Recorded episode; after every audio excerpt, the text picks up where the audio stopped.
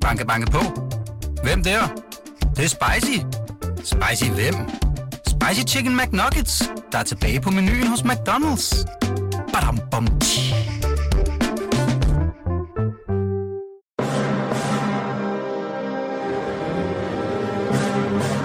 Velkommen til programmet Hitlers Æseløer, et program om bøger om den anden verdenskrig. Mit navn er Jan Cordua.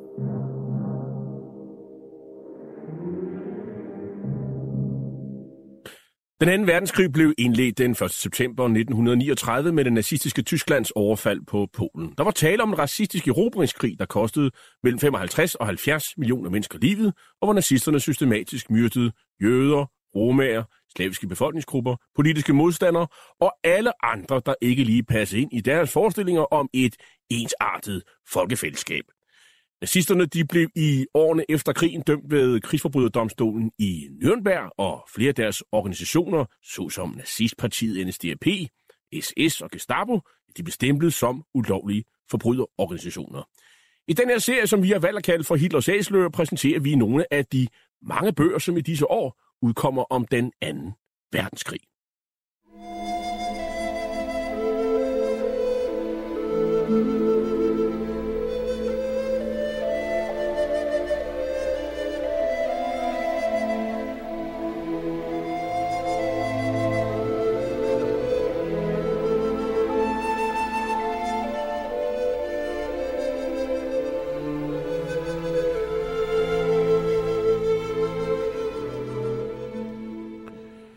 Rudolf Verba var en slovakisk jøde, som var en af meget få øjenvidner, der i tide slap ud af dødslejren Auschwitz til både at afsløre, men også at advare om det i gangværende massemord på Europas jøder, der blandt andet fandt sted især i masseudryddelseslejren Auschwitz-Birkenau.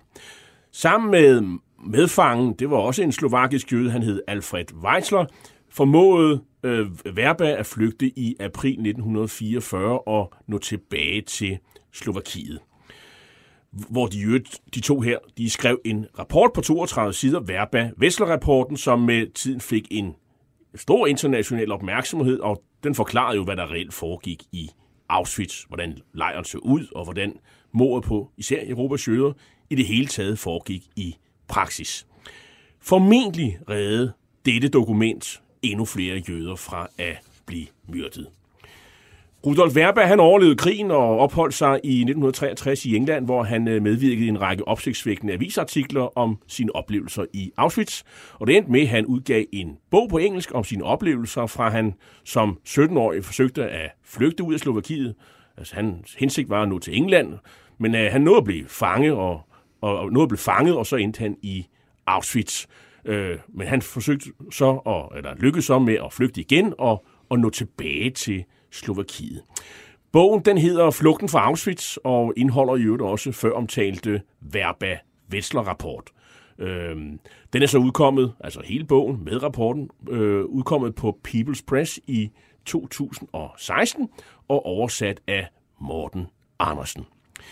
Til at tale med mig om Rudolf Verbers bog, og jo et ret enestående historie, så har jeg inviteret dig, Mikkel Andersson. Du, velkommen til programmet. Tusind tak. Du er blandt andet historiker af uddannelser og skribent, blandt andet ved det satiriske Rokokoposten, Berlingske og meget andet. Og grund til, at jeg har inviteret dig, er naturligvis, at du har en meget stor viden om Auschwitz og i øvrigt nazisternes dødslejre, og du har i øvrigt besøgt uh, Auschwitz-lejrkomplekset afskillige gange. Du er rejseleder på stedet, og du har jo også tidligere været gæst i en tidligere udgave af Hitlers Æsler. Det var det program, hvor vi talte om lejrens kommandant, Rudolf Høs. Mikkel, allerførst, øh, hvad synes du om bogen her? Altså, det er jo, et, det er jo et, et, et fascinerende dokument, og det er jo den skildring af en utrolig interessant person. Altså, man kan sige, øh, sådan blandt folk, der beskæftiger sig med Holocaust, der er, er Rudolf Werber rimelig kendt, fordi han optræder, som, som du også nævnte i introen, han optræder i Claude Landsmans øh, sådan episke, otte timer lange dokumentarfilm Shoah, øh, øh, som altså er det hebraiske ord for holocaust, betyder egentlig brandoffer. Men, øh, og, og der har han så ligesom været en af dem, der sådan var, var relativt ikoniske øh, med sin fortællelse. Men, men selve bogen her er interessant, fordi det giver selvfølgelig en mere personlig skildring af hans egne oplevelser og hans egen den narrativ, der fører til, at Werber-Wetzler-rapporten bliver udgivet. Og han er en altså som fange betragtet er han en, en, en af de her sådan meget unikke karakterer, som klarer sig man kan sige, det er jo ikke fordi, han trives i lejersystemet. Det, det vil være forkert at sige, men han er ekstremt kreativ. Han øh, formår at gøre det, altså få det bedste ud af forfærdelige situationer, kombineret med, og det skal man også sige, alle der, og det gælder for alle, der, afs, der overlever Auschwitz, med en, en, en, utrolig mængde held. Altså, der er mange, mange situationer, hvor det er ekstremt tæt på. Men han formår både i, i Auschwitz 1, altså i stamlager, det kan vi komme ind på senere, der er forskellige underlejre, øh, øh, hvor han er først, og så senere i Auschwitz-Birkenau, formår han begge steder at blive connected til henholdsvis, hvad vi kan vi sige, sådan indflydelsesrige personer, og senere undergrundsbevægelsen. Så det gør ham til en, til en det er jo selvfølgelig også det, der gør det muligt for ham på et senere tidspunkt og, at flytte, her sammen med, med Alfred Wessler. Men det gør ham til en enormt interessant karakter. Lad os prøve at tale lidt om, øh, om den her Verba Wessler-rapport, øh, som jo er... Øh, Ja, altså, hvilken betydning får det? Altså, øh, altså det, det, hensigten er jo, at man skal advare øh, Vesten, og, og ikke mindst det jødiske samfund, som jo sådan velvilligt, eller ja, på en eller anden led velvilligt, har ladet sig transportere af nazisterne øh, fra alle mulige lande i, i hele Europa til øh, til Polen. Øh, og der er den her rapport, som siger, at det er ikke det, der foregår, og, og dokumenterer sådan mm. hvordan lejrene er opbygget øh, meget sådan, øh, ja. præcist, og, og hvordan hele processen er. Og sådan noget. Hvilken ja. betydning får det? Altså man skal, man, man skal sige, de allierede ved meget. Altså da Verba-rapporten udkommer i, i, i, hvad det hedder her, hen over sommeren 44, øh, eller ikke udkommer, for det gør den jo ikke, men den bliver distribueret rundt til forskellige, hvad kan vi kalde det, interessenter, regeringer og alle mulige andre. Der ved man meget om, hvad der foregår i Auschwitz. De allierede ved rigtig meget. Der har været forskellige, øh, hvad kan man sige, den polske undergrundsbevægelse har kommunikeret med eksilregeringen i London. Der er kommet forskellige, øh, hvad kan man sige, sådan forlydende om, hvad der er foregået.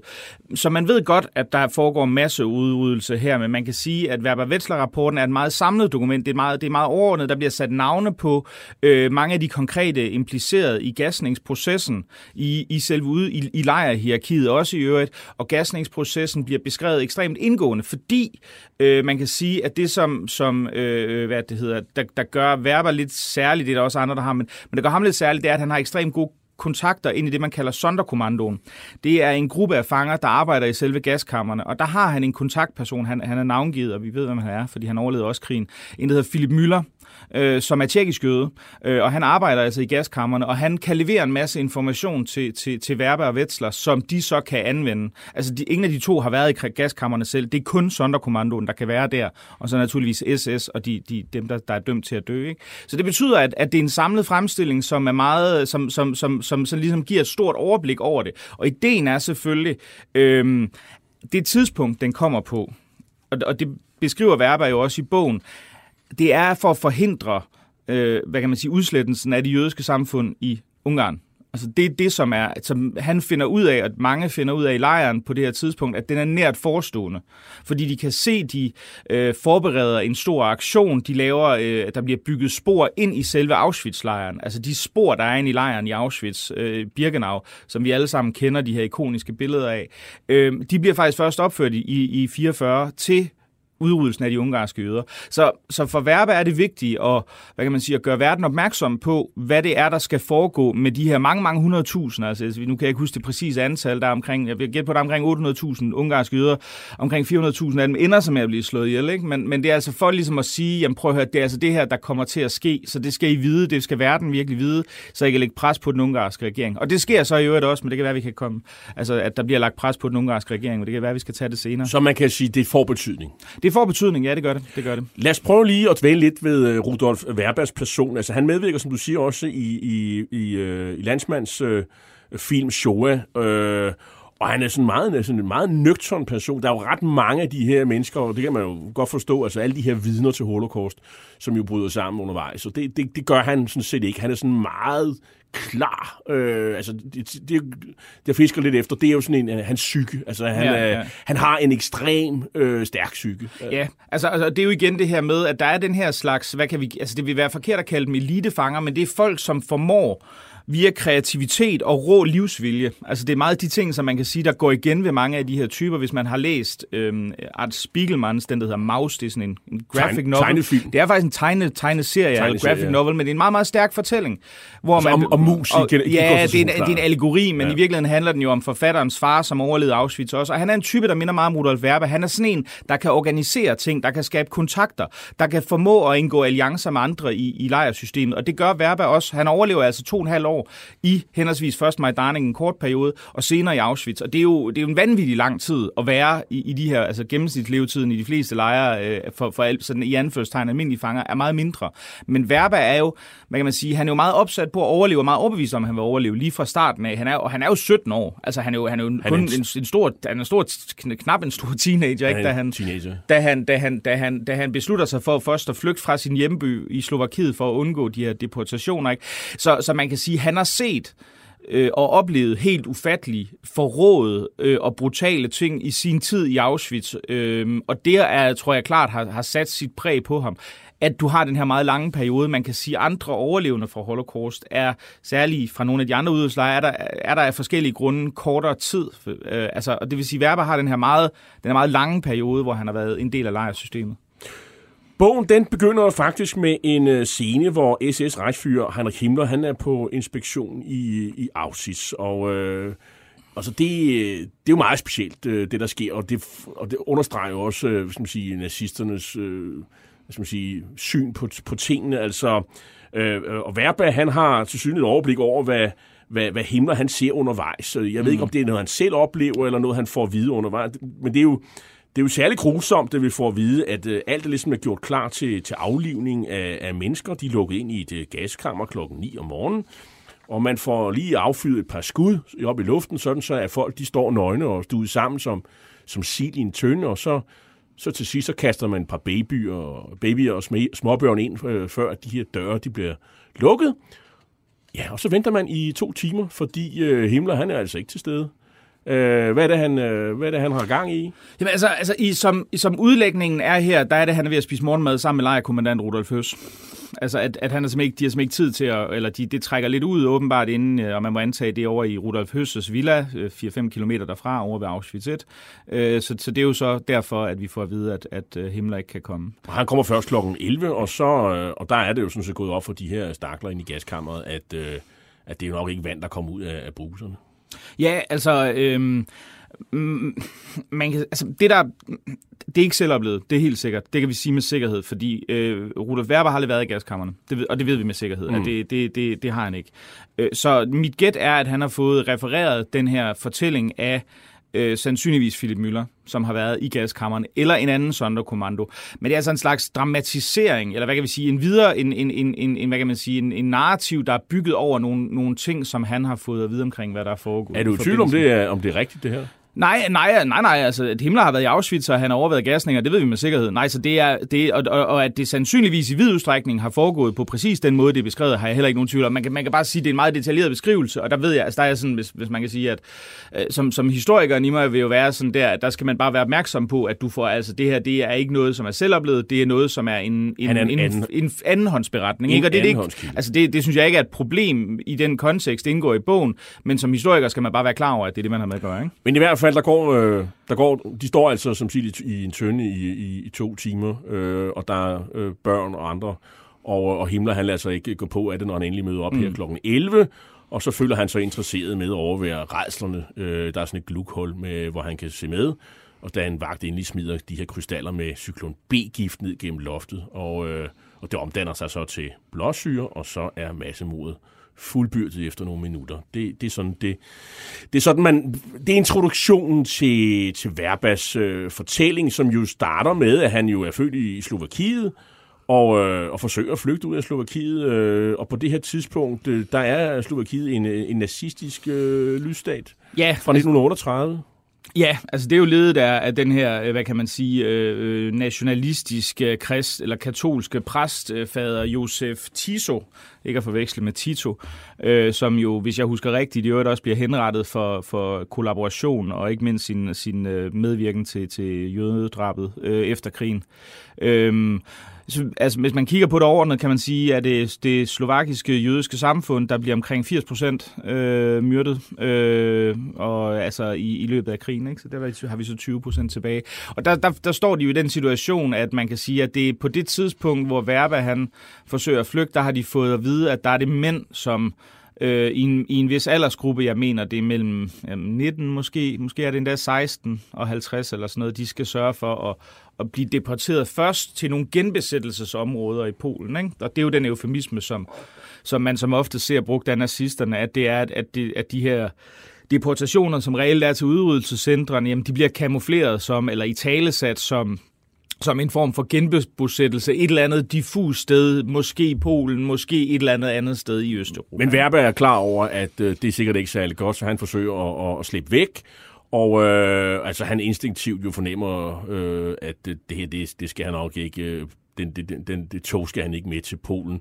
Øh, selvom man jo ikke, som de, de ved det jo ikke, at, de, at det er udryddet. Nej, det, nej, det gør de ikke på det tidspunkt. Altså på det tidspunkt i 1942, foråret 1942, der er de ikke klar over det. Nej. Selvom at øh, massemordet er i gang. Det, det er det, men man skal være opmærksom på, at det er i øh, sommeren og øh, hvad det hedder efteråret øh, 42 at, at øh, og også for sommeren hvis vi skal være helt ærlige. Men det, men det er den periode at at at at massedrabet, at Holocaust for alvor accelererer og faktisk også kulminerer. Det er sådan der hvor det, det, det, er, det er allermest intenst, og det er allermest morderisk, det der, det der foregår. Der kommer så nogle andre, sådan hvad vi kan kalde peaks, hvor drabet på de ungarske jøder i 44 er et senere. Men det her i 42, det er aller, allermest intenst.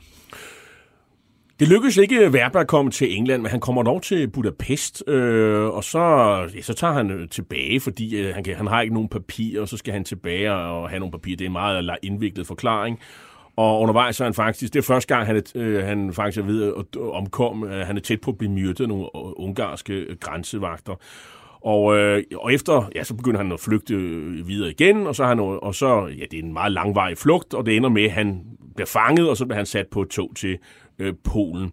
Og, øh, og på det her tidspunkt, der øh, mener de, der er de heller ikke klar over, at, øh, at de er på vej til en, en dødslejr. Øh, men han får jo nogle, skal man sige, forsmag på, hvad der, hvad, der, altså, hvad der, der venter ham, fordi altså, de, de sidder i den her kreaturvogn, er det hvis de kører ja. i, og, og, og de her SS-vagter, der er ombord, de øh, nægter at give fangerne vand. Altså, det er nogle værmagtssoldater, de betaler for at få noget vand undervejs, og det tager jo altså imod væk nogle, nogle dage. Mm. Øh, og så kommer han til Majdanek, øh, som udtales øh, sikkert på. Øh, altså Majdanek plejer vi at udtale, men jeg er sikker på, at hvis du er polsk, så vil, vil, vil, det, vil det være på en, en langt mere raffineret måde. Men, men om, det, ja. og Majdanek, der er han i, i 12 dage. Mikkel, Mikkel Andersson, kan, kan du forklare, hvad, hvad er det for en, øh, en, en, en lejr? Ja, altså Majdanek er en, øh, en, en stor koncentrationslejr, der ligger uden for øh, Lublin. Man kan tage ned og besøge den i dag, og der, øh, der er faktisk også gasningsfaciliteter. Øh, altså der er faktisk både et, et, et, et, et gaskammer med udstødningsgas og et med, hvor de anvender cyklon B, altså det samme som i Auschwitz. Øh, men, men det er omkring i anførselstegn øh, kun 50.000 mennesker, anslår man mellem 50 og 70.000 mennesker, der bliver dræbt i Majdanek på den her måde. Det er primært en koncentrationslejr. Det er noget mere kaotisk lejr, end Auschwitz er. Men en ting, vi måske skal sige, som ja, den er lidt svær at opdage i, i bogen, men det er faktisk en transport til en udryddelseslejr, som Verba han er med på. Den kører forbi øh, Lublin, hvor han bliver sat af sammen med nogle andre relativt få arbejdsdygtige mænd, men hele resten af transporten, inklusive mænd, kvinder og børn, de kører videre til Belzec, som er en ren udryddelseslejr, det er altså ikke en koncentrationslejr, men den er gået i gang, øh, startet med at operere til, i, i omkring januar øh, i øh, hvad det hedder, det her i 42, og der bliver de alle sammen. Altså alle andre på den transport, undtagen de arbejdsdygtige mænd, hvor Erverba er en del af, de bliver taget til, til Belsek og, så her, og gasset ihjel her. Så allerede her snyder han døden igen. Ja, det gør han. Det gør han. Og det er, ikke, altså, det er ikke usædvanligt, at du tager nogle arbejdsdygtige mænd ud til forskelligt arbejde, og det er så også det, der sker. Ikke? Så han bliver så indsat i, i, i, i Majdanek her til at starte med. Og, øh, og der oplever han jo sådan, øh, som sige, livet i en koncentrationslejr. Altså det, var en, det er sådan de første lektioner i, øh, hvordan overlever man i en, øh, i, i, en koncentrationslejr. Altså, han ser musen ind for første gang. Øh, og, øh, og, og, og selvom han har hørt lidt, så bliver han jo sådan ret, ret rystet.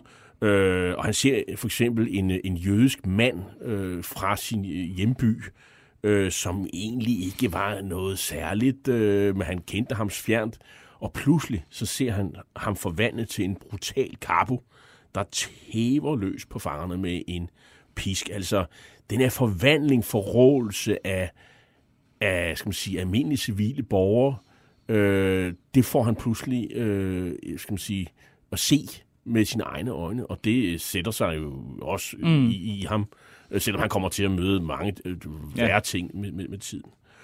Øhm, Majdanek er sådan en primitiv forløber for, for Auschwitz. Øh, Øh, det er sådan et sted, hvor, ja, hvad skal der, altså det er jo det er sådan slavearbejde, det er sådan, øh, ja. fornichtung durch arbejde, er det ikke sådan? Ja, det er det, det er altså, det man skal, man skal slides ihjel efter ja. tre måneder og få så lidt som muligt at spise. Ja. Det, det er ja. det, der er ideen med det. Dybest set, altså den er, det, man kan sige, på, også, ikke mindst på det her tidspunkt, er det mere kaotisk og mere uorganiseret drevet end Auschwitz, og det er, altså det er en, en på det her tidspunkt primært en koncentrationslejr, hvor du har et stort reservoir af, af slavearbejdere. Så det, det er så det, det som, som, øh, som Verba kommer ind i på det her tidspunkt. De, og de altså skal være slavearbejdere for lokale fabrikker og som, som bygningshåndværker. Øh, Han møder jo også sin øh, bror, der jo så sidenhen bliver myrdet i, i Majdanek. Altså, og fordi øh, jamen, der er jo ikke så mange overlevende for, for Majdanek, fordi øh, hvad sker der? Jamen altså, altså det der sker, det er egentlig en, en fascinerende historie i sin egen ret, som, som Verba ikke nævner så meget, men, men, men, men det, det der sker i, øh, i, i 43, øh, efteråret 43, faktisk november 43, det er, at øh, man gennemfører en række lejre, blandt andet Majdanek, men også Travniki og forskellige andre, par andre lejre, øh, koncentrationslejre, der gennemfører man noget, man kalder Aktion Erntefest, altså høstfest. Og det er fordi, der har været opstanden i to udryddelseslejre, henholdsvis Treblinka og Sobibor. Sobibor er den mest vellykkede, hvor de dræber samtlige tilstedeværende SS-medlemmer øh, øh i lejren. Øh, og det gør øh, tyskerne relativt nervøse for den her, det her, til, de her tilbageværende få jøder i koncentrationslejresystemet.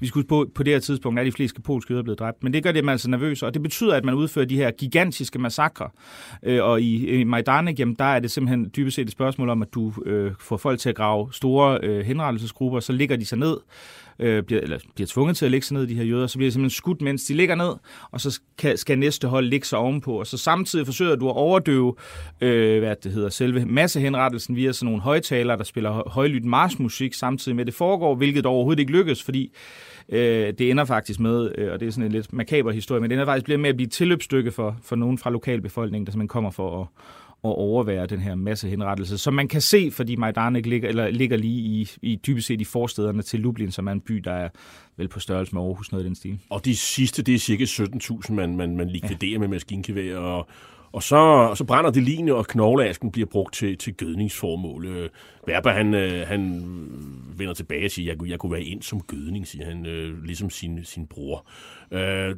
Det, er jo her, det er jo her tanken øh, fødes hos Verba om, at at han skal, han skal simpelthen overleve og øh, oplyse Europas jøder. Det er i hvert fald det, han fortæller i bogen. Mm. Øh, af, af, om han genkender det, det, det ved vi jo ikke, men altså, han, han, han siger, hvad skriver i hvert fald selv, at det var her, han, øh, får tanken om, at han skal simpelthen øh, overleve, om at man skal modsætte sig den her forflyttelse, og så i stedet gøre oprør for, for bare at lade sig transportere sådan, uden at sætte sig til, til modværge. Og han, han taler med en, øh, en tjekkisk kapo, der fortæller ham, at øh, det der landbrugsarbejde, som han har meldt sig til, øh, fordi øh, altså, nu er han stadigvæk i Majdanek, det er sådan set en, øh, en enkelt billet til Auschwitz og, mm. og den sikre død. Øh, men som I før var inde for, var han blevet i Majdanek, så var han jo eh, fået den samme skæbne som sin, sin bror.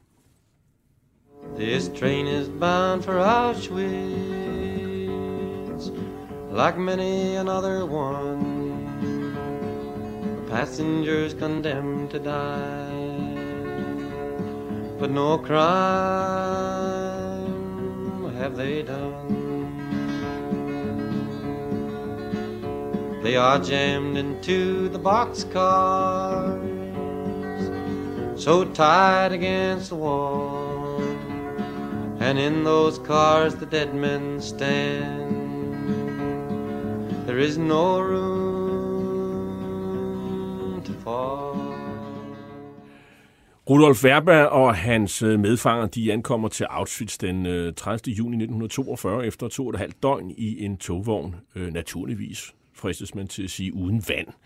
Og de kommer til det, som du øh, fortalte før, øh, Mikkel Andersen, stamlager. Øh, det er sådan et sted med strømførende hegn, konstant belysning, vagtårne, vagter, chefer, hun overalt.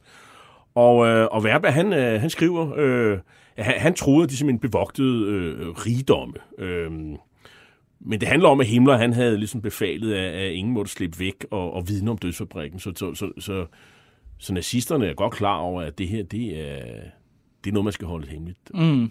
Ja, altså, altså det skal siges, at indka- måden i Auschwitz er pakket ind på sikkerhedsforanstaltningerne omkring, det prædaterer, at den bliver til en udryddelseslejr. Så man kan sige, at det, det er et spørgsmål om, at det her det er et, et prestigeprojekt, ledet af en ekstrem ambitiøs og dygtig kommandant, Rudolf Høs, som er klar over, at flugt det er noget, der er ekstremt uønsket. Der er også meget få øh, succesfulde flugte fra Auschwitz igennem, igennem tidens løb. Så det er ikke så meget på det her tidspunkt, at man vil holde gaskammerne skjult. Det, jeg kan godt forstå, at Verba får det indtryk, men, men jeg, det, jeg tror ikke, man for bevogtningen af Auschwitz op i forbindelse med udryddelsen.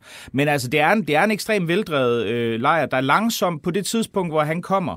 Øh, ja, det er næsten sket, men der, der, der bliver transformeret fra at være en, hvad kan vi kalde det, en primært en koncentrationslejr. Altså et sted, hvor du opbevarer folk, du sætter dem til tvangsarbejde, og der er rigtig mange af dem dør igennem både sadisme, altså de bliver skudt af SS-folk, igennem sygdomme, og igennem naturligvis også i vid udstrækning sult.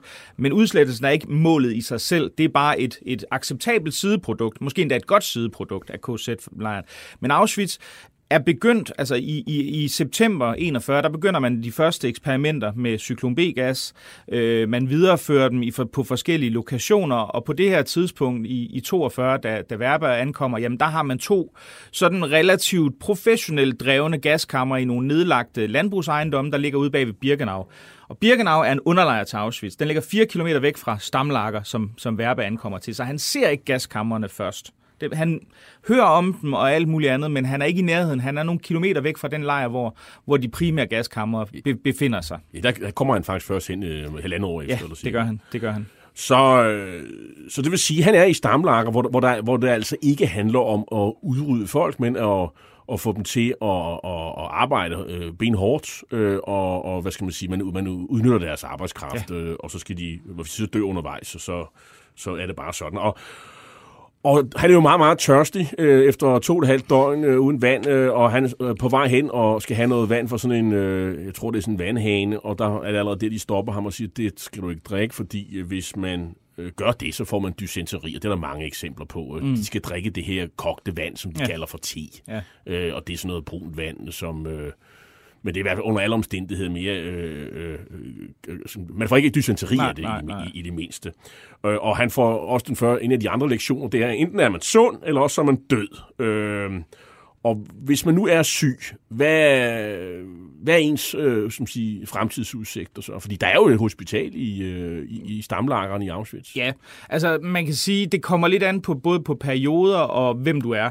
Men man kan sige, den generelle prognose for øh, hvad det hedder, hvis du, du bliver øh, syg i Auschwitz, jamen det vil jo være, at du kommer hen til øh, den her SS-læge, øh, øh, og læge Josef Klære. Josef Klære, ja lige præcis, som altså giver en en øh, fenol, en, og der er flere andre, der i øvrigt også gør det, skal siges, men, men som giver en en, en fenol-injektion i hjertet, som betyder, at man naturligvis dør med det samme. Ikke? Det er, det er altså, øh, det, der, der er tilfælde, og det kan vi jo også se, altså der er faktisk tilfælde, hvor enkelte får behandling. Altså Auschwitz er et, et, et meget mærkeligt sted på mange måder, fordi der kan ske nogle underlige undtagelser.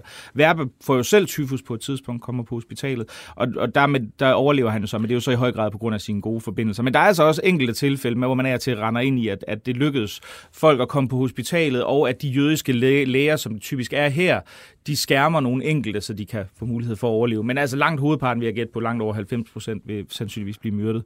Eller bare omkomme af deres sygdom, fordi det dybest set i praksis ikke er andet end opbevaring, der foregår der. Han fortæller, at, at øh, første gang han, øh, han kommer, så oplever han sådan en grotesk scene, hvordan øh, de, de, de lignende fra nattens afdøde fanger, de er sådan kastet ud øh, nærmest. Ja. Og så bliver de sådan unensomt stablet i en, i en vogn og kørt væk. Ja. Det, så, altså, altså, de fleste af os har jo ikke mødt så mange liv i vores tilværelse, men her er det som det folk, altså det, og det sker som, som sådan en naturlig arbejdsproces, hvor folk snakker nærmest sådan ja, ja, undervejs. Ja, ja, ja.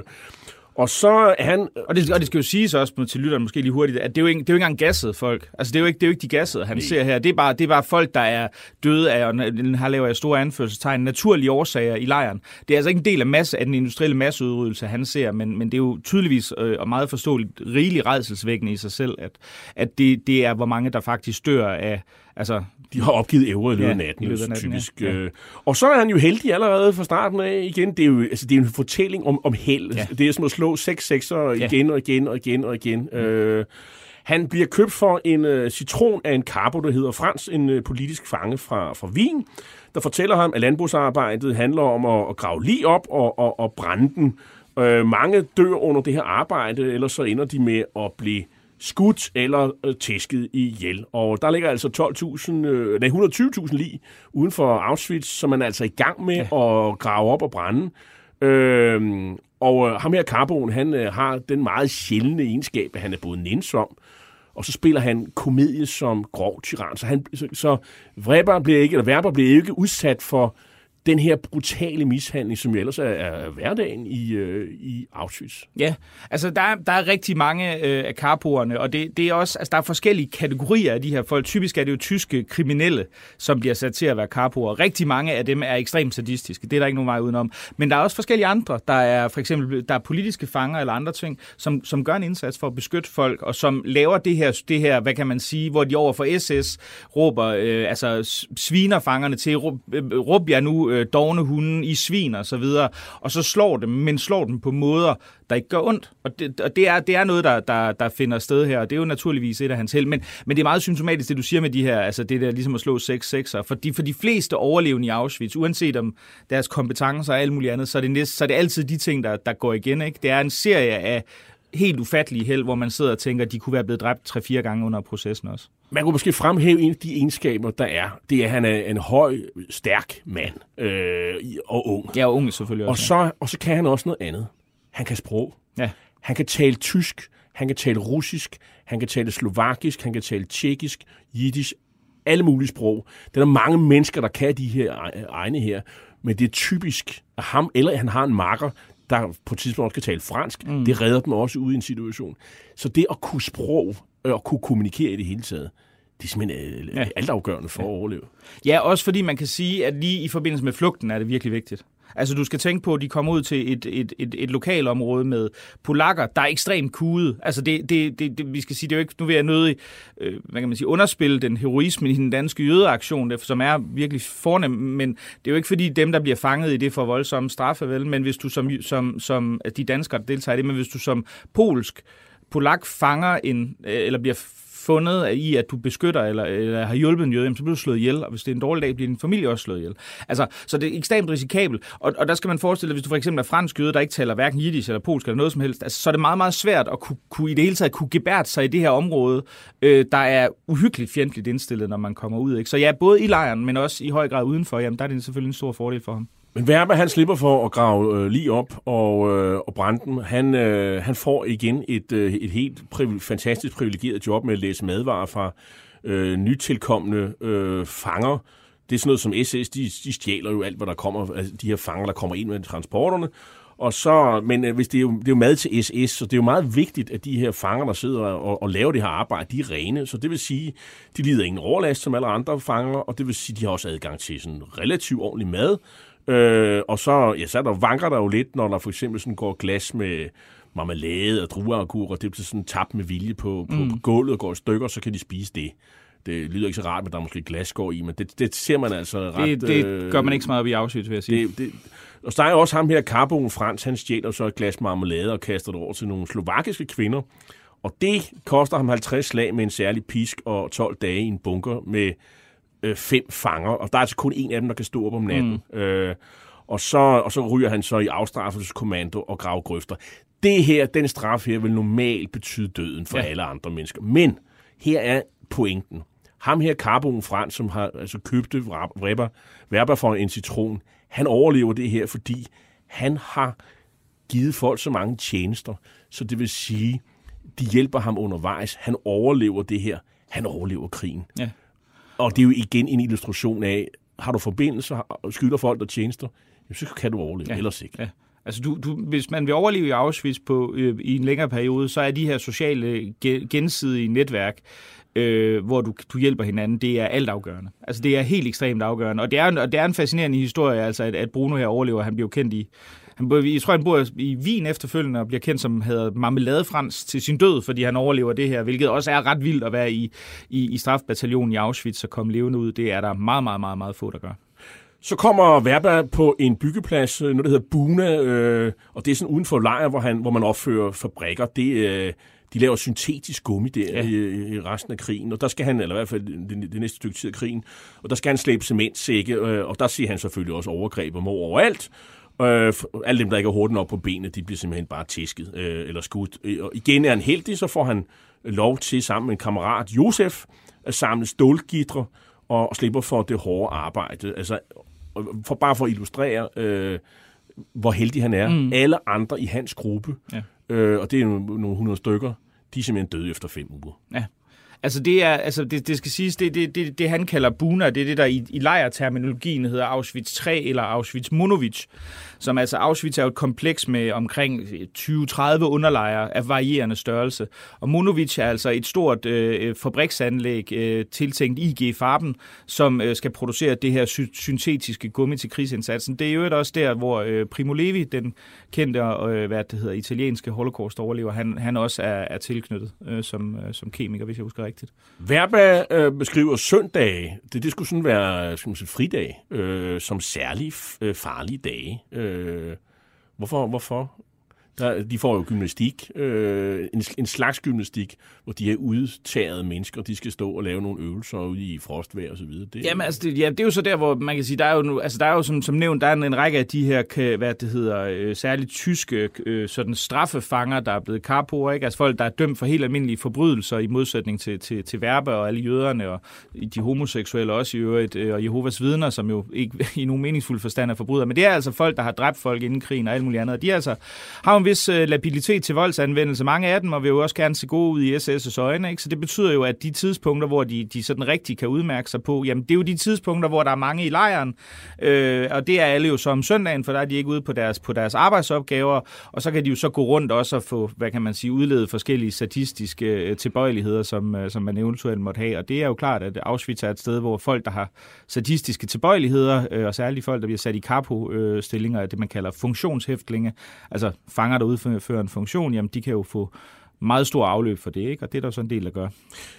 Den 29. august 1942, øh, der skal de så også forbi en, øh, en hurdle, kan man sige, øh, fordi der bliver konstateret plettyfus i, øh, i Auschwitz. Og alle syge fanger, øh, de, skal, de skal myrdes, og, og Verba og hans kammerat Josef, de er egentlig også udtaget til sådan den syge gruppe, fordi øh, de, de er for svage til at løbe, fordi de, har, de, de er trætte, så vidt jeg øh, kan mm. læse mig til. Men der blev de så også lige øh, reddet af en kapo, der simpelthen forstår situationen og ja. lynhurtigt får dem væk fra den gruppe. Og det igen, det er sådan noget det er næsten tilfældigheder ja. og, tjenester, og hvem kender hvem, og så videre. Ja, det er, det er fuldstændig blind luck. Altså, det er det, og det er, det er, det er altså, igen er det selvfølgelig, fordi de, de, de formår at kende nogen, men man kan sige, der er, der er også, altså man skal jo også huske på, at der er utrolig mange, der kendte nogen, der var store i lejrhierarkiet, og øh, Verba skriver om en, en del af dem også, og, som ikke overlever krigen. Altså, fordi på et eller andet tidspunkt kommer de til at begå en lille bitte fejl, eller også så kommer de på tværs af en eller anden SS-mand, eller også så er de bare super uheldige i forbindelse med en selektion, og, og det er jo i virkeligheden reglen frem for, for undtagelsen, som er Verbas historie. Og det er jo så øh, Rudolf Høs og ham her, Dr. Kurt øh, Ulenbrook, der er i gang med at myrde, de myrde halvdelen af, af, af, af fangerne i lejren på grund af plettyfus. Ja, det ved jeg faktisk ikke, om det er et rigtigt tal, men det er i hvert fald en stor del, hvis jeg skal være helt ærlig. Det, det, generelt er det vidneudsagn, skal man altid være påpasselig med tal, for det er svært at vurdere, når du ser det fra jorden af, kan man sige, hvordan, og, og tælle folk og vurdere præcis, hvor mange man har med at gøre. Men en stor del, der bliver myrdet øh, øh, på, på, det her tidspunkt, det er den store, øh, det er den store tyfusepidemi her i 42, og, og, og grunden til, at det, det er et meget stort problem, og det går SS meget på, jamen det er jo, at i modsætning til alle mulige andre problemer, som fangerne kan have, øh, sult, øh, hvad kan man sige, sygdomme, alt muligt andet, så kan tyfus jo altså, det, det, har, det rammer jo altså også SS-folk. Det er jo det. Øh, så man kan sige, det er jo pludselig et stort problem, fordi det bliver de jo ret, det bliver de jo ret angste for, og det er en meget, der er en meget hastig vækst i tyf, altså det, man kalder det den store tyfusepidemi i 42, det, som, som, som vi ser ham beskrive her.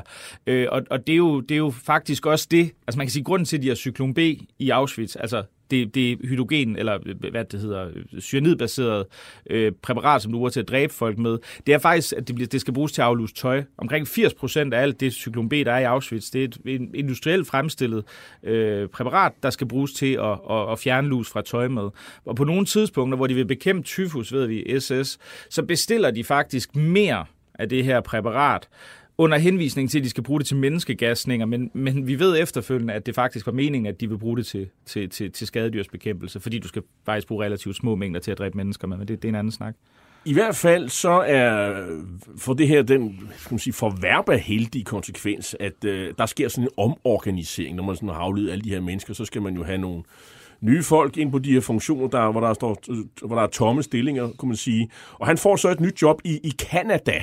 Og, og hvis man har været i Auschwitz, så ved man, at Canada er sådan et særligt sted. Øh, og, og, og, det, der, og det er forhold så over i Auschwitz-Birkenau øh, 2. Øh, det, det, det er faktisk ikke helt rigtigt. Ikke helt han. Han, han er, nej, fordi han er faktisk to, i to Canada. Der er to, øh, hvad det hedder, der er det, der hedder, i, i, i, i den officielle lejr i jargon, der hedder det effekten lager 1 og effekten lager 2, men alle kalder det Canada 1 og Canada 2. Canada 1 ligger lidt udenfor, i nogle barakker, lidt uden for Auschwitz, øh, ved, ved, ved et industriområde, altså uden for Stamlager, Auschwitz 1. Øh, og, og det er der, han er til at starte med. Og så rykker hovedparten af Canada-funktionen i 44 rykker over til Birkenau. Men og i der kommer han så også over. Men i hvert fald så er det jo øh, sådan et, et, et, et, et forholdsvis behageligt sted, øh, hvor han har adgang til, til mad, ordentlig behandling uden tæsk. Han har sin egen køje, fuldstændig luksus øh, i Auschwitz. Det er en rydningskommando, der sorterer nytilkommende fangers røde bagage. Og det er sådan nogle scener, man skal forestille sig, hvor kvinder de sidder og leder efter diamanter i tandpastetuber, fordi der er jo forestillingen om, at de her jødiske familier, de har jo gemt alle deres øh, jeg skal sige, værdier, øh, og, og i mange tilfælde har de jo gjort det, mm. fordi hvad skal de gøre, de stakkels mennesker? Øh, så det er deres job, det er simpelthen at lede efter øh, øh, ja, edelstene, og hvad der ellers kan være penge selvfølgelig. Og, øh, men man kan altså godt få tæsk af SS, hvis man ikke skynder sig. Øh, og der er blandt andet en, et scene operasanger i, i Wien, der, der har fornøjelsen af at tæske løs på fangerne, hvis de, hvis de stjæler. Og, øh, og det, øh, der giver han jo en eksempler på, jamen det, det er noget, folk tager et, som en... Øh, altså en kalkuleret risiko. Altså, mm. vi, man, øh, man stjæler alt det, man kan tage. Øh, specielt hvis nogen, hvis nogen taber et eller andet, så, så tager man det. Og så, øh, men altså uanset hvad, og selvom de bliver undersøgt undervejs, og folk bliver taget ud og får drakoniske straffe, så tager folk øh, jeg ved ikke, få et dosemad og andre ting med ud. Ja. Ja, og det er jo fordi, man kan sige, der er jo to grunde til det. For det første er det jo deres egen, altså opretholdelsen af deres egen liv og sundhed. Ikke? Hvis du får fødevarer, du selv kan spise, så kan du, øh, hvad kan man sige, undgå at blive det, der bliver kaldt muselmand, i, i som du også nævnte i lejerterminologien, ikke? En, en udmarvet, sådan zombie-lignende skikkelse, ikke? Som, som, som næsten altid er dømt til at, til at dø, ikke? fordi man, man viljen også er udslugt. Øhm, så det er en ting, men det andet er, at du kan bruge det i lejrens øh, sorte økonomi. Det er altså, kapital. Det, det er simpelthen det er kapital. Plus du kan hjælpe, og det er så et helt andet ting, du kan hjælpe familie og kvinder. Altså, det er også en anden ting, ikke? Så, så man kan sige, at, at selvom risikoen for at stjæle ting er stor, og det varierer også alt efter, hvad for nogle karpoer og hvad for nogle perioder der er. Nogen, nogen ser bare igennem fingre med det, fordi de selv er så bundkorrupte. Andre går meget op i det. Men, men, men, men selvom der kan være meget stor risiko forbundet med det, jamen, så er det altså noget, som, som i høj grad kan betale sig, fordi øh, gevinsterne kan være så store ved det. Men øh, så går det så galt for ham, fordi så skal han smule varer for en, øh, en karpo, og, og der modtager han 47 slag i den bare ende, uden at røbe Capoen Brunos navn, og, og ja, under normale omstændigheder, så havde han jo været død. Øh, men øh, Bruno, han øh, sørger for, at han får ordentlig pleje og mad, og, og det sker jo også for eksempel, da benævnte SS-læge, han inspicerer hospitalet. Der er for mange, der er syge, mm. så lad os få nogen over og give dem en fenolsprøjte. Øh, og der er han også meget tæt på at ryge med. Øh, men det sørger, øh, skal man sige, lejrsystemet, de mange tjenester, for at det gør han ikke. Han ender øh, ikke mere at, at komme over i krematorierne. Øh, det er også ved at nævne Brunos navn over for en skriver, han øh, undgår den her Buna-kommando, fordi når han så skal tilbage, jamen, så, er han skal, så, så, så skal han jo helst tilbage til, til Canada. Det gør han så, så også. Og her får han så et nyt job ved at læse fangers gods af ved rampen. Øh, og det rampen, skal vi forklare, det er der, hvor, hvor selektionen øh, sker.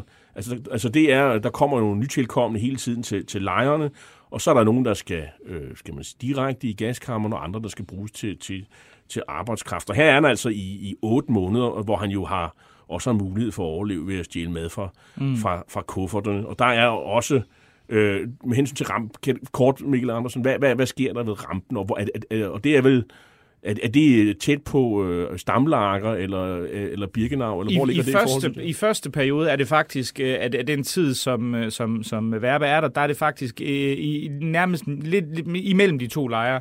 Det er et sidespor, som der er lavet sådan en slags intermistisk øh, trærampe, det bliver senere til beton, som, som, som er der, øh, og, og hvad det hedder. Der, der, kommer, der, der laver du så selve selektionen, og så kommer der så lastbiler og kører folk til Birkenau som oftest, ikke? til gaskammerne, eller og for et lille øh, antals vedkommende, jamen, så bliver de jo så indsat i lejren som, som, som registrerede fanger. Og det sker så udenfor. Men altså i 44, i, som jeg nævnte optakten til den store jødeaktion mod de ungarske jøder, der bygger du simpelthen jernbanen fysisk ind i Birkenau, og det er den, du ser i dag. Det, det, det, det er så der, hvor rampen kommer til at ligge. Der kommer den til at ligge inde i selve lejren, hvor den altså lå udenfor tidligere. Så der er altså, rampen, det er altså to forskellige, det er to forskellige steder, ja.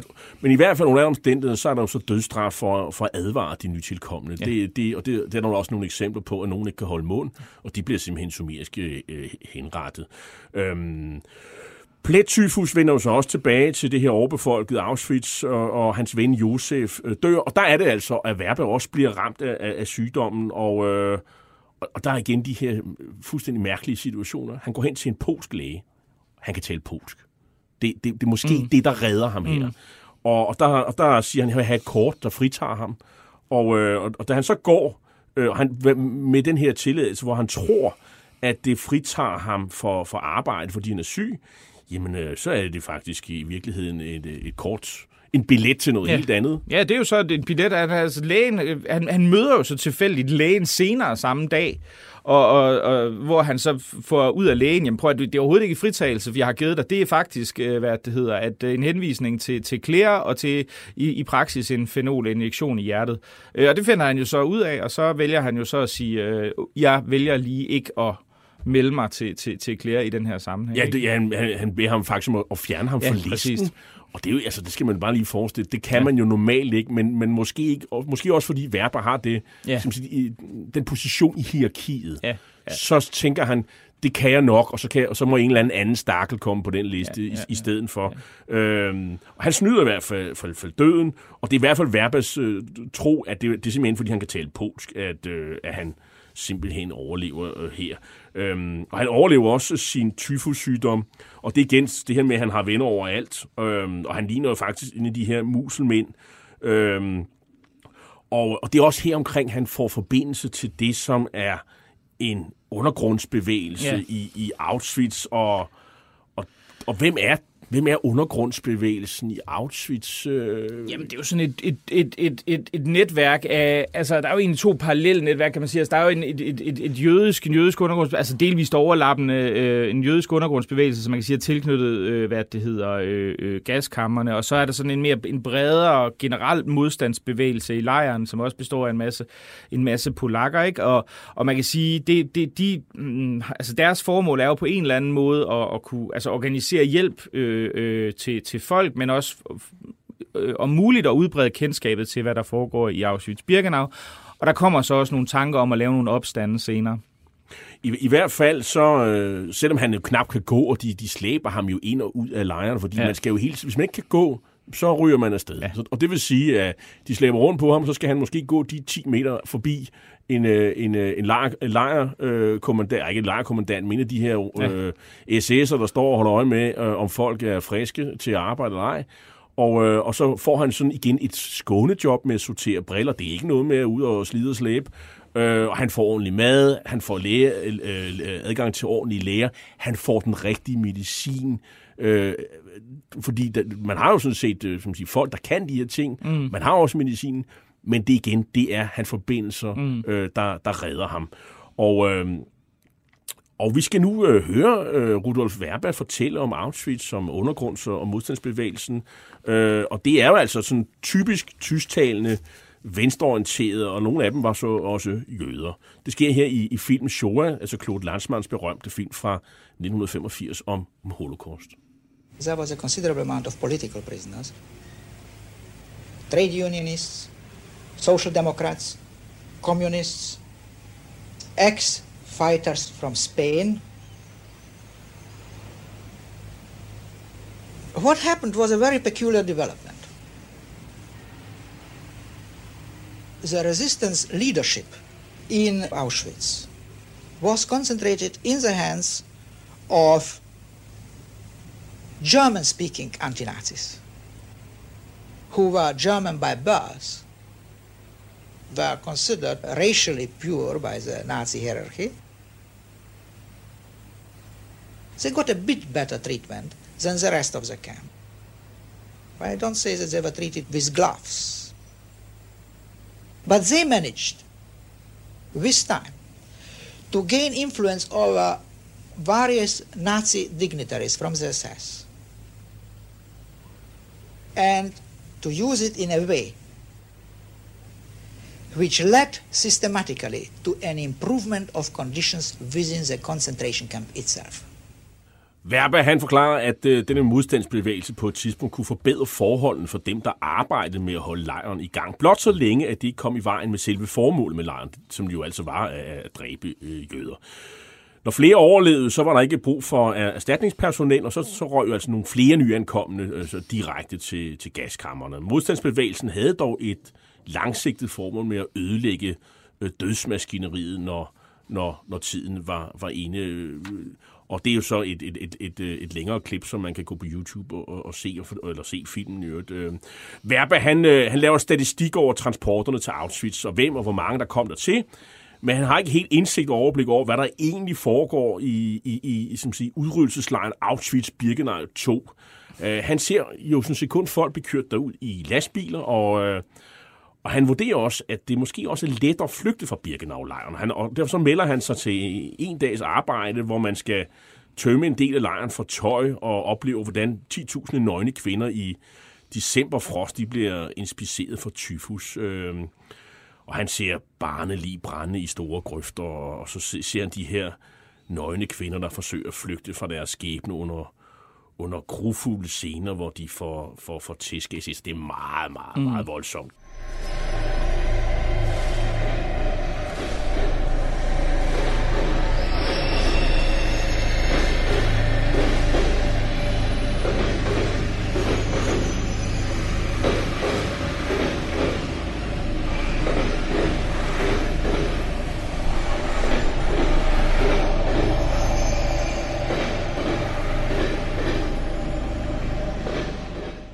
Det siger jo lidt om, at Verba han har en helt særlig psyke, når han sådan, hans nysgerrighed for at finde ud af, hvad der, hvad der er. Altså, gør han tager over i Birkenau, som et endnu større helvede, mm. end, end, end selve stamlejrene jo er. Og han oplever de her grofulde ting, som selvom han er sådan ret usentimental, så, så har man et klart indtryk af, at det virkelig gør indtryk. Øh, jul 1942, der er der en magtkamp mellem to SS'er, der ender med, at hele Canada-kommandoen med Verba, de ryger simpelthen over i Birkenau, i stedet for at blive gasset. Øh, og igen snyder han døden. Mm. Øh, og her får han så kontakt til modstandsbevægelsens ledelse i den her lejr, og han genser Alfred Wetzler, som stammer fra Verbas hjembyer. Og ham her, Alfred, han har et job med at forestå og notere, at Ali de får trukket guldtænder ud. Øh, Verba, han noterer sig, at vagterne og kapoerne i, i Birkenau, de er mere brutale og lystmotoriske, end han selv så i stamlejren, hvor folk jo øh, altså, hvor folk dør af, af, af afstraffelse. Det går, det går ud over tilfældige muselmænd, som simpelthen øh, slås ihjel uden årsag, men øh, for ren adspredelse. Altså, mm. det, det er morskab. Der er ikke nogen pointe. Altså, altså i stamlejren, der dør folk, fordi de bliver afstraffet. Der er en pointe. Her er der ingen pointe. Øh, men igen, Verba, han har en status i fangehierarkiet, som gør, at han bliver sådan ladt i fred. Og han begynder sådan at tale med folk i lejren og kender til administrationen. Øh, og og snakker med, med, med folk, blandt andet ham, Philip du, øh, Møller, du talte Philip om, Müller, ja. øh, fyrbøderen i krematorien, som har Ja, han ved for eksempel, hvor meget brændsel, der skal bruges ja. til at, at, at få gang i de her krematorieovne. Øhm, og så kan man ligesom øh, ekstrapolere, nærmest beregne, jamen, hvor, hvor meget brænde har vi brugt, hvor mm. mange øh, er så blevet øh, kremeret. Øh, og det hele handler selvfølgelig om, at han er vidbegærlig og mm. nysgerrig for, hvad der er sket, hvor mange er egentlig døde, hvor mange er ankommet, han har haft styr på, hvor mange der er ankommet til lejren. Det ved han noget mm. om. Øh, men hvad der så sket med dem sidenhen, det får han så mere øh, øh, overblik over. I juni, juni 1943 så bliver han skriveassistent som følge af sin forbindelse til undergrundsbevægelsen. Og det giver ham endnu mere frihed til at bevæge sig rundt i lejren og orientere sig om forholdene, skaffe flere informationer om morfabrikken, og ikke mindst muligheden for at flygte så skal han jo på et tidspunkt også håndtere en barakleder, en, en homoseksuel lystmorder ved navn Ivan den grusomme, øh, som så, øh, men det, han, bliver, han ender så med at og, og, og, og, og ikke falde i kløerne på ham. Øh, og så øh, beretter Verber også om det her træk, øh, som også er en grusfuld historie om familien fra Theresienstadt, der bliver holdt i live mm. øh, og er sammen, øh, så længe de kan skrive tilbage til baglandet hjemme i, i Tjekkiet, øh, for de skal beroliges, at de har det godt. Og lige så snart øh, den proces har stået på noget tid, jamen så bliver lejren tømt, og beboerne de bliver så myrdet i, øh, i, i gaskammeren. Og her er det bliver særligt grufuldt, fordi øh, øh, Verbe, han har faktisk fået en, en kæreste mm. undervejs, og, øh, og de har et møde, de har et forhold, og så skal hun ellers øh, afsted til gaskammerne. Det, det, det skal man håndtere, når man er ja. 19, 18-19 år. Øh, det, det er jo altså... Det, så det, Ja, altså, altså hele kapitlet om familielejren i, i Auschwitz, øh, øh, hvad det hedder, er nok noget, som gør størst indtryk på øh, Øh, mange af de overlevende, der er der overhovedet. Øh, og det er jo ikke, fordi det er mere tragisk end, end, end alle de transporter, der ankommer og bliver dræbt på daglig basis, men der er det særlige ved dem, at de kommer som familier. Normalt, når der kommer børn til Auschwitz, så bliver de dræbt i gaskammerne i løbet af meget kort tid, med få undtagelser, da Mengele, øh, Josef Mengele bror har nogle tvillinger, som han eksperimenterer på. Men ellers bliver børn dræbt i Auschwitz. Sådan er det. Og mænd og kvinder bliver skilt og sat i hver deres del af lejren, øh, og er fysisk segregeret hele tiden. De får barberet alt håret af, de får ikke lov til at beholde deres eget tøj familielejren i Theresienstadt, der, der, hvor, hvor den, den, transport, den, den første transport kommer den, den øh, 8. September øh, 1943, den er anderledes, fordi der bliver de alle sammen sat ind i et lejeafsnit. Det er noget, der hedder B2B. Det er altså en underafdeling af Birkenau. Øh, Birkenau er delt ind i sådan en underafsnit, øh, som man normalt ikke kan færdes mellem, men det kan Rudolf Werber så, fordi han er jo altså notar eller skriver. Øh, og, og det gør, at lige pludselig så er der børn i lejren, der bliver lavet en skole, der bliver lavet, øh, altså der er kvinder, som, som, som det, det virker, som Verba beskriver det også, som folk, der kommer udefra. Øhm, og, og man kan sige, lejr, øh, hele lejren gør sig store anstrengelser for, også undergrundsbevægelserne, for at hjælpe blandt andet børnene. De har faktisk bedre forhold i den her familielejr, fordi det, øh, det, det vi ved om det, det er, at Theresienstadt bliver brugt som, der, laver, der bliver lavet en, en film, der hedder øh, Føreren skænker jøderne i en by, som er sådan et, et, et propagandastykke, der skal vise, hvor godt jøderne har det i Theresienstadt. Der, der også Dansk Røde Kors bliver fuldstændig narret, men det er en helt anden udsendelse. Øhm, og der, det er altså jøder herfra, som så efterfølgende kommer til Auschwitz, og man har en idé om, de på en eller anden måde skal være sådan en slags propaganda-kulisse, eller viden om, hvor dejligt man har det i Auschwitz. Men, men, men det, der så sker, det er jo, at præcis seks måneder efter ankomsten, den 8. marts øh, 1944, der bliver hele lejren udslettet. Og det mest, det mest smertefulde, det er, at Sonderkommandoen og store dele af modstandsbevægelsen ved godt, at det er det, der skal til at ske. Og de har interageret med de her børn, og de forsøger at lave en opstand. De har en, en, en, en, en mand, der hedder Freddy Hirsch, som er øh, faktisk er en tysk jøde, men han er, han er jo også homoseksuel, ikke? det har noget med noget at gøre, men det er, det er en ret vild historie. Han er, han er så flyttet til Tjekkiet, og han er blevet lakker ældste for hele den her familie. Han er deres øverste fan, og, og Verba pers, forsøger personligt at blive, få ham til at blive leder af en opstand, og det, som Freddy så gør, og, og han er efter alt at dømme et, et, et, et virkelig, virkelig godt menneske, det er, at han kan simpelthen ikke, han kan ikke, skal han svigte de børn, han har været lærer for dem, fordi han ved, at de vil blive slået ihjel hvis de laver en opstand. Hvis de laver den her opstand, så vil børnene dø, og Verba siger, prøv at høre, du bliver nødt til, vi bliver nødt til at, til at gøre op. Vi ved, at I bliver slået ihjel. Og der er mange flere børn, der kommer til at dø, hvis I ikke gør det. Og der, øh, efter, der er enten så Freddy Hirsch, så begår han selvmord ved at tage en overdosis medicin, eller også så er der nogle jødiske læger, som det er der også nogen, der spekulerer i. Det tror jeg nu ikke så meget selv, men der er nogen, der mener, at de måske har slået ham ihjel, fordi de selv vi, øh, vi, vi hvad kan man sige, havde troet, de havde mulighed for at overleve øh, øh, øh bedre, hvis det. Men, men det mest, det, det, det, det alle husker, det er de her scener fra gaskammerne, fordi normalt ved folk jo ikke, nogen gør, men de fleste ved jo ikke, hvad der skal foregå. Men hele den tjekkiske familie der ved, hvad der skal foregå, og de kommer jo så ned her. Og SS-folkene, selv SS-folkene, og det ved vi, det ved vi fra flere kilder, er berørt over det her, for de kender også de her børn og de her familier osv. Sonderkommandoerne er stærkt berørte, og det er, det er, det, det er forfærdelige scener, der udspiller sig i, øh, i gaskammeret i forbindelse med den her auktion, aktion den, den 8. marts 44. På vej til gaskammeren, der synger de her tusind kvinder den tjekkiske nationalsang og den jødiske nationalsang. Her skal vi høre den jødiske nationalsang Hatikva.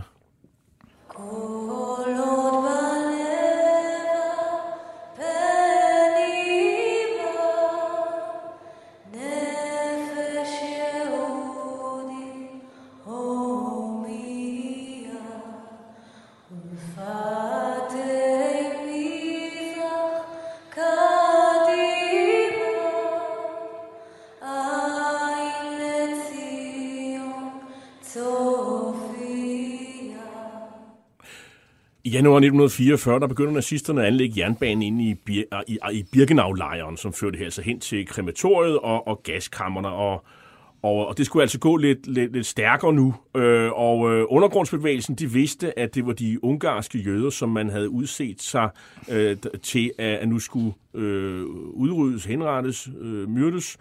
SS-vagterne, de talte om ungarsk spejepølse og, en, øh, og at der var sådan ligesom var tale en, en, en hemmelig øh, mission. Og nu er det så, at Verba, han begynder at planlægge øh, flugten. De ved, at straffen for flugtforsøg, det er selvfølgelig døden ved hængning. Der har de set flere eksempler på. Øh, og de har fundet ud af, at hvis de kan holde sig skjulte i den ydre del af lejren, øh, mens, øh, hvor de altså kan komme hen om dagen, øh, så er der altså 3.000 mænd, der så gennemsøger området med 200 hunde i, i tre dage. Øh, men hvis de kan på en eller anden led kan, kan blive inden for det, jamen så har de en chance, fordi efter tre dage, så, så, så er der sådan set fri passage. Og, øh, og de sørger så for at skjule sig for hundene, og det gør de ved at smøre det her gemmested ind i sådan noget russisk mahorka-tobak, der er dyppet i benzin. Det er et af flere nyttige råd, som Verba han får ved at tale med en russisk fange, der hedder en kaptajn Dimitri Volkov, en, en flugtkong, der også har en helt fantastisk historie, som vi desværre ikke kender inden på. Øh, og Verba, han ser, hvordan jo også de her tidligere flugtforsøg, de mislykkes ved, at altså når, når, når, når vagterne tager afsted, så er der altså dum-dum-kugler, de har i, øh, i geværerne. Altså, øh, så, så når man rammer dem her, så går det, så, så, så altså nogle meget, meget store huller, man får. Øh, og, og, og han er også, der er også et, et, et flugtforsøg, hvor han er lige ved at omkomme, øh, fordi det går, det går også galt. Øh, og, øh, og så har han et, øh, på et tidspunkt så har han et ur med. Han har taget, han skal have et ur med, øh, på, mm. og, og der har han sådan lige ved at blive, øh, at blive taget, øh, fordi der er en fange, der undrer sig over, han er, eller en, undskyld, en kapo, en, eller en vagt, mm. der undrer sig over, at han, øh, han har øh, et ur. Øh, flugten den foregår den, øh, den 7. april 1944, og hvor er det, de skjuler sig? Jamen altså, de skjuler sig jo i, i en stabel brædder, der ligger i det her, man kan sige, når du kommer til Birkenau eller i Auschwitz i dag, så det man ser, det er det, man kalder den indre lejr. Det vil det, vil det være kaldet, det er sådan selve kernelejren. Men udenom skal man forestille sig, at der lå der en lang række ekstra bevogtning indenfor, hvor, hvor der var, inden, altså, som, det strækker sig måske en kilometer eller to ud, den her sådan ydre perimeter. Og inden for det ligger der fabriksområder, der ligger arbejdssteder, øh, og der bliver gravet grøfter, der sker alle mulige ting. Øhm, og der kan man sige, og, og så i, i løbet af dagtimerne, jamen, så rykker bevogtningen sig så, altså SS-personale, de flytter sig så fra den, groft sagt, fra den indre lejr til den ydre lejr. Og ud i, i, i det her mellemrum mellem den indre og den ydre lejr, øh, den her perimeter, jamen der ligger der så en stor brændestabel. Og der er det simpelthen nogle arbejdere, der så får indrettet det sådan, at man kan gemme sig. Ja, det, det, det, det er ikke brædder, hulrum, men, sådan et hulrum. Ja, et hulrum, et hulrum i, i en stabel planker, grundlæggende set. Det er sådan tømmer, ja, ja. og det, og det, som, Altså, det, det, det er jo ret meget, faktisk. Øh, at, øh, altså, det, det er et ret stort hulrum og så videre. Ja. Øh, og så har de rigtig tøj på fra Canada, fordi de ja. kan jo gå rundt med ikke de her øh, lejertøj, øh, øh stribet øh, lejertøj, som vi kender fra, fra film. De, de har faktisk noget, noget, noget civilt tøj, som gør, at de også kan, kan skjule sig bedre, ja. når, de, når de er på, på flugt. Øh, og de er også lige ved at blive fanget af, fundet af nogle, af nogle tyske vagter, og de har sådan set nogle så de kan forsvare sig, hvis de nu skulle komme ned til dem. Øh, og så er der jo så, der falder bomber øh, ned Auschwitz øh, efter, øh, et par dage efter. Øh, men så øh, klokken halv syv om aftenen den 10. april, der er kysten klar, og øh, ja, der går de, jeg tror det er 80 km fra Auschwitz til Slovakiet. Mm. Øh, og nu springer vi lidt hurtigt over det, fordi det er også en meget dramatisk historie, men, men, men det går, de, de møder mange undervejs, men øh, især ham Volkovs øh, mange råd. For eksempel, han skal ikke tage nogen penge med, fordi mm. Øh, så går han bare hen og begynder at skal bruge dem. Øh, når han ikke har nogen penge, så vil han bare spise det, der er, han, han finder på vejen. Øh, det er meget bedre. Øh, og de skal kun flygte om natten i øvrigt og sove om, om dagen. Øh, det her vidnesbyrd, det får jo betydning, øh, for nu får jøderne jo pludselig vidshed om, øh, om hvad der foregår, øh, Mikkel Andersson. Ja, eller det, det gør det jo så, altså man kan sige, at han, han bliver jo, både Werber og Wetzel bliver jo, bliver jo krydsforhørt af øh, medlemmer af det, det, unge, øh, det jødiske samfund i Slovakiet, øh, og der gør de jo så også det, at de, øh, at de insisterer på, at det jødiske samfund i, i Ungarn skal informeres hurtigst muligt. Og der er der nogle lidt... Øh, penible forviklinger, som er stadigvæk trækker sig dybe, dybe ar blandt de få overlevende, der er tilbage, og som også har præget israelsk historie, fordi man kan sige, at øh, medlemmer af hvad kan man sige, den jødiske hjælpeorganisation i Budapest, primært en, der hedder Rudolf Katzner, øh, undlader at fortælle om indholdet i den her øh, Werber Wetzler-rapport. Og, og generelt bliver der heller ikke, igen som der er også, der er også viden om Auschwitz fra andre kilder, og generelt bliver der altså ikke fortalt om det.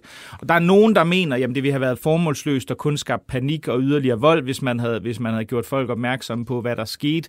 Og man kan også sige, i store dele af Polen, der vidste man godt, hvad der foregik. De polske jøder vidste godt, hvad der foregik på, på de her steder, men de bliver altså deporteret og dræbt alligevel. Men jeg synes, Sverber har da klart en pointe om, at det moralt set var nok meget, meget problematisk, at, at det ikke kom til øh, den brede offentligheds kendskab, hvad, der, hvad, hvad indholdet af den her rapport var. Altså på det her tidspunkt, hvor man er i gang med at, at myrde de, de ungarske jøder, der, der er der altså 12.000, der bliver ombragt eller myrdet i Auschwitz øh, om dagen. Øh, og så er der jo et sparet spil mellem Adolf Eichmann og, og ham her benævnte dr. Rudolf øh, Katzner, formanden for den jødiske hjælpekomité. Øh, han får i hvert fald reddet 1684 jøde ud af Ungarn med et tog til Schweiz mod betaling i guld og diamanter. Ja, og der skal det måske også lige nævnes noget af det, der gør ham lidt problematisk. Der er, der er, der er overraskende mange af hans personlige venner og, og bekendte. Det er ikke sådan helt en Schindler-historie, vi har, vi har at gøre med her. Det er, øh, det, det er et meget eksklusivt tog, som Katzner får arrangeret. Og det fører til, i hvert fald i 1955 til en retssag i Israel mod Kastner, øh, hvor man anklager, at han er nazistisk håndlanger, og han bliver så dømt ved en distriktsdomstol. Og så blev han så skudt på åben gade foran sit hjem i 1957, hvor efter højesteret i Israel omstøder dommen med en 3-2 afgørelse i 1958. Og det er omstridt, øh, som du var inde, inde på. Øhm, og Werber, han går så ind i modstandsbevægelsen. Han kæmper mod tyskerne frem mod krigen. Efter krigen så uddanner han sig som til biokemiker i Tjekoslovakiet. Han hopper så af til Israel i 58 og bosætter sig først der, sidenhen i Storbritannien. Og så udvandrer han til Kanada og dør i 2006 i, i, i, i Vancouver. Og hans makker, Alfred Wessler, han forbliver i Tjekoslovakiet.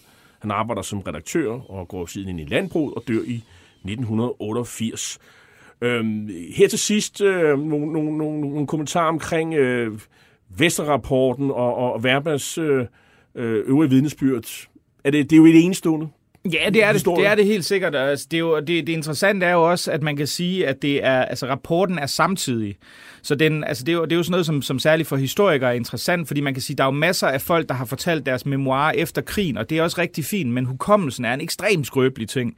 Folk erindringsforskyder øh, og husker forkert og tror, at de havde spillet en anden rolle, end de gjorde, og, og det er sådan, den menneskelige erindring fungerer i alle sammenhænge. Altså de fleste kan knap nok huske, hvad de spiste til morgenmad i forgårs, og hvordan skulle du så kunne redegøre for komplekse øh, relationer til, tilbage i 1944, hvis vi skriver 1980 på det her tidspunkt? Så derfor er den unik, øh, og, og sammen med øh, hvad det hedder, blandt andet en række dokumenter, øh, der, er, der er skrevet af de her sonderkommandoer, altså dem, der arbejdede i gaskammerne, som man har fundet gravet ned i jorden efter krigen, øhm, så er det et af de, sådan, de, de samtidige dokumenter, der beskriver, hvad der foregår. Det gør, den, det gør selve rapporten historisk interessant. Jeg vil sige, altså Verbas egen personlige beretning er også interessant. Det er slet ikke det, men, men dem er der i anførselstegn, dem er der mange af. Altså der er mange, der har, der har overlevet Auschwitz. Selvfølgelig gør hans flugt ham, ham særlig, men, men, hans, men, men det, der gør, der, der er særlig unikt for ham, det er, at han formår, og, og naturligvis sammen med Wetzler, at aflægge det her vidnesbyrd til samtiden. Og, og der, det giver os et rigtig godt historisk billede af, hvad vidste folk på det her tidspunkt. Tak til dig, Mikkel Andersson, fordi du kom her i dag og talte med mig om flugten fra Auschwitz, inklusive Verba Wetzler-rapporten, den oprindelige øjenvidneberetning fra 1944, der afslørede, eller var med til at afsløre massemordet i dødslejren Auschwitz.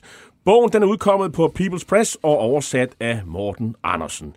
Hitlers æsel er slut for i dag. I teknikken sad Josefine M. Hansen, og jeg hedder Jarl Kordua og er vært og tilretlægger programmet. Du kan genhøre dette program via Berlingske og alle de andre programmer i serien som podcast via appen podimo.dk eller via Berlingskes hjemmeside b.dk slash podcast. Vi slutter med musik med Holocaust Survivors Band, der som band, bandet antyder består af Holocaust-overlever, som siden gik hen og blev nogle meget modne herrer fra Miami, Florida, og der hygger de sig her i deres otium i sig selv en ganske livsbekræftende tak for i dag. Okay. We're gonna play one little song for you.